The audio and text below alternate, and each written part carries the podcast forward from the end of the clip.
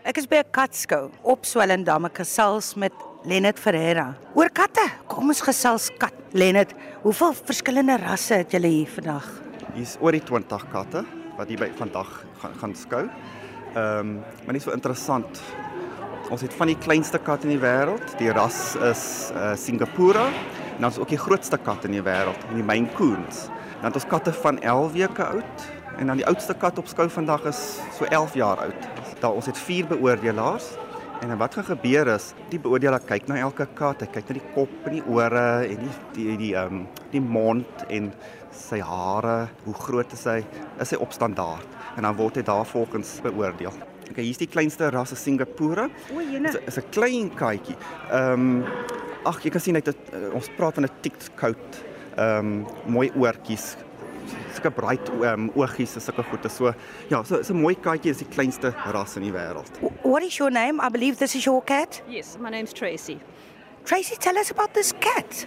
It's the smallest and rarest breed in the world. Um, they originated from Singapore as the wild or drain cat of Singapore. They were started to be bred in the late 70s by an American lady. They're like little humans in fur coats. They are very easy to, to look after, just like a normal cat. Um, they obviously just got to be kept safe because they are far too brave for their size. Her name is Jemima. Ooh. Hallo Jemima. Hoor hoe gaan dit hierso mense?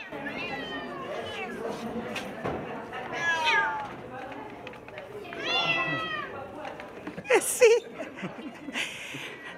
Vertel my gou 'n bietjie oor jouself en jy weet hoe jy betrokke geraak het. Is jy self 'n katman? Die interessante storie is, ek was altyd 'n hondeman. Toe ek getrou en my vrou sê sê het 'n vriend wat Italië toe verhuis, wil ons 'n kat hê. Nou ja, ons het nie getroud en ek sê toe, nou ja, dan het ons 'n kat. Ek het so verlief geraak op die kat dat ehm um, nou ja, het ons seker 2, 3 katte gehad. Later het ons toe begin teel met katte. So ons het Burmese en ons Devon Rexe, sulke goedes. Ehm um, maar baie liewe katte. Baie baie liewe katte. Hulle is maklik om te hanteer. Vir my weer, ek dink hulle is selfonderhoudend. Hulle sorg vir hulle self as wat jy met honde nou sukkel so. Ja. En uh, toe raak ek nou betrokke by skoue en ek is besig om te leer om ehm um, te beoordeel en so aan so.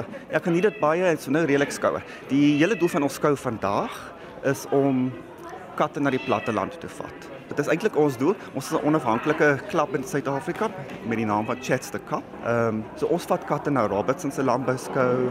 Ons was al op Darling. Uh, so ek ons vat katte na die platte land toe dat mense kan gewoond raak en sien daar's ander ander ehm um, katrasse. Daar's nie net jou huiskatte, jou gewone domestiese katte nie. So ek dink dit dit is wat ons nogal ehm um, onderskei van ander klubs. Kan jy my wys waar is die groot kat? Reg voor ons, hier's 'n groot jene. kat. Hierdie is die grootste kat hier sê hulle. Wat se naam? Haar naam is Peaches, sy's 'n mancoon. Wat is die hele storie rondom hierdie groot katte? Hulle is amper soos honde. Hulle is 'n mix tussen 'n kat en 'n hond. Groter katte, hulle is meisies is gewoonlik so 6-7 kg, seuns is omtrent so 7-8 kg um, in grootte, ja. Maar as ek nou kyk na die grootte van hierdie kat, die kat moet eet soos 'n hond seker. En soos wat hulle sê, meer in, meer uit. Is daar spesifieke soort kos wat jy vir hierdie kat moet gee? Weet jy dalk? Weet jy, ons voer hulle die Royal Canin Mancoon kos, so dit is spesifiek gemaak vir die groter katte. Hulle bene is groter en jy het ander vereistes van 'n van 'n voedingsoogpunt. Dis nogal 'n intimiderende kat die, né? Hy is, hy is. Jy en, uh, jy moet maar oppas vir sy naels en sy goedjies, maar weet jy wat as die voorbereiding om 'n kat te skou byvoorbeeld, hulle knip gewoonlik die naels, hulle bad, hulle, hulle maak hulle skoon. So dit is nogal intens en ons laat die eienaar hulle hanteer as hulle beoordeel word. Niemand anders mag hulle hanteer nie. Dierbaar, mooi, mooi, mooi. As jy nou 'n kat byvoorbeeld nou beoordeel, iemand bring nou die kat vorentoe. Wat wat nou? Hy hanteer hom, moet jy hom nou ronddraai en al daai soort goed. Hoe werk daai proses? Okay. Wat ek gaan doen, ek gaan jou ek gaan jou nou 'n beoordelaar ehm um, voorstel, laat hy sommer vir jou verduidelik wat wat kyk hulle na en sulke goedes. Katte, katte, katte. Hier is nou by 'n beoordelaar, 'n belangrike man hier, dokter Johan Lamprecht. Ons gou gesels? Kan ons kat gesels? Waarna kyk julle? Dit moet 'n intensiewe ding wees.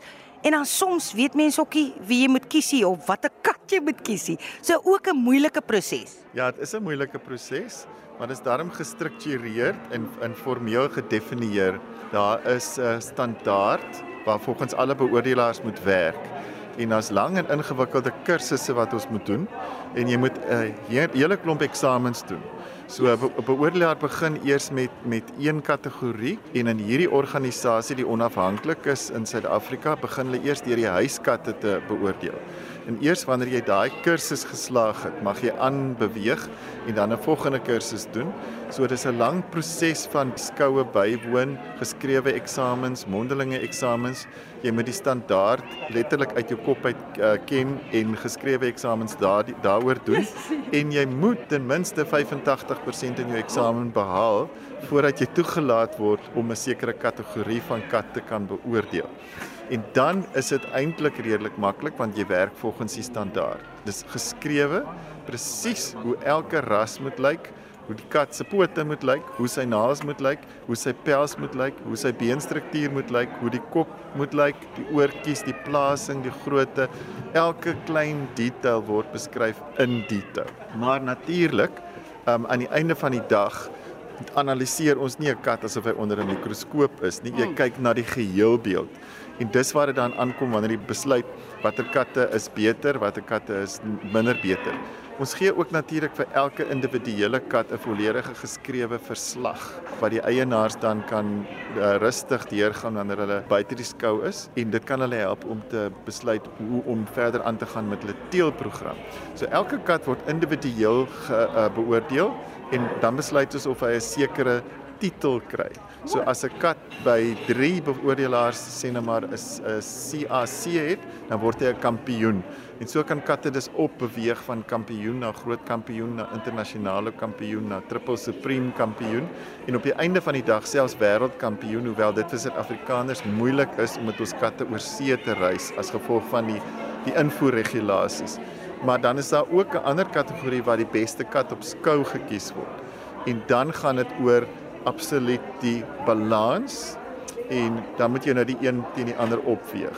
En uh dis hoe jy op die ou end kom by die beste kat op skou. Dis so interessant 'n kategorie vir 'n kat. Laat ons gehoor, eh, dis nou vir my verbasend. Dis nie net van kom beoordeel 'n kat kom beoordeel, dis 'n lang proses. Sê my, was daar vir jou 'n uitdaging? Wat jy gedink het, o, jy sê ek weet nou glad nie watter kat om te kies nie. Het jy al so 'n soort wroging gehad? Dis dis absoluut so en dit gebeur gereeld. Ongelukkig is dit nie die uitsondering nie. Ek vind dit gewoonlik moeilik met die klein katjies. Want die klein katjies het almal soveel potensiaal en as jy daar sit met 'n pragtige persiese katjie met die mooiste gesigsuitdrukking, met die mooiste pelsie, spelerig en oulik en hier langs hom sit fantastiese siamees wat absoluut die teenoorgestelde is. Lank, skraal, kort haartjies, pragtige blou oë ensovoorts. Dan breek jou hart soms om te moet kies. Maar ongelukkig sit jy daar op die podium en jy moet kies. En ehm um, dit, dit is moeilik. En veral oor see wanneer jy by sommige van die groot skoue beoordeel waar daar 2 2000 katte is, dan sit jy op 'n verhoog en dan moet jy jou nommer oplig vir die honderde mense wat daar onder in die saal is en hulle sien watter een het jy gekies en dit is moeilik. You put your money where your mouth is. Ja. Ek ek probeer soms om 'n bietjie 'n grappie te maak en die die ernstige spanning af te bring deur vir almal te sê, "Oké, okay, wie betaal die meeste?" Of of of ek kry die gehoor om te sê, "Stem, wat vir watter kat stem julle? Steek julle hand op." En en, en dan dan maak ons so 'n bietjie van 'n grappie en dan sal ek vir hulle sê, "Ja, julle is reg of nee, julle is heeltemal verkeerd. Ja. Hierdie enetjie wen." So dit is dit is soms moeilik. Dis, ja, en dan kan dit katastrofies wees, né, nee, as mens so moet kies. Katastrofies, ja. Al die katte wat doof is. Net 'n laaste vraag. Praat katte met jou hart? Absoluut. Nog altyd van jong dae af. 'n Kat is iets anders. Ek is 'n groot diereliefhebber, maar katte is besonder en hulle is hulle is elegant en hulle is oulik en hulle is hulle is um intelligent, maar die groot ding is jy moet 'n kat se respek en liefde verdien. Mm. Hy is nie soos 'n hond wat wat net vir enigiemand lief is nie. Jy moet 'n kat respekteer en self slegs wanneer jy dit verdien, dan kan jy 'n kat se respek kry. En dan kom hy na jou toe en dis wat vir my interessant is. So bietjie soos 'n vrou mens. Kitty. Kitty kitty. Wow. Wow.